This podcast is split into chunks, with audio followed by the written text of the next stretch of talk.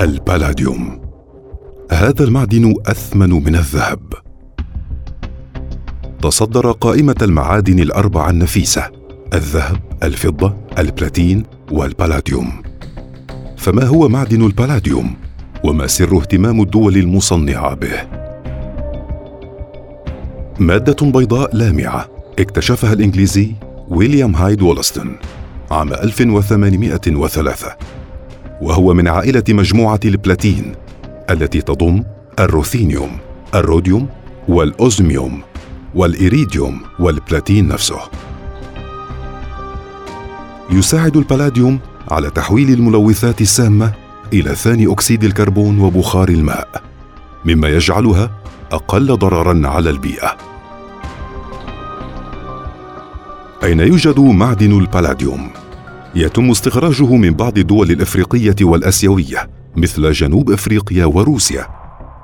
تبلغ نسبة معدن البلاديوم في القشرة الأرضية 0.015 جزء من المليون. استخدامات معدن البلاديوم. يستخدم في صناعة الذهب الأبيض. والذهب الأبيض عبارة عن ذهب عادي يكتسب لونه الأبيض كنتيجة لإضافة معدن البلاديوم. ويستخدم في صناعة الأدوات الجراحية والتوصيلات الكهربائية والساعات.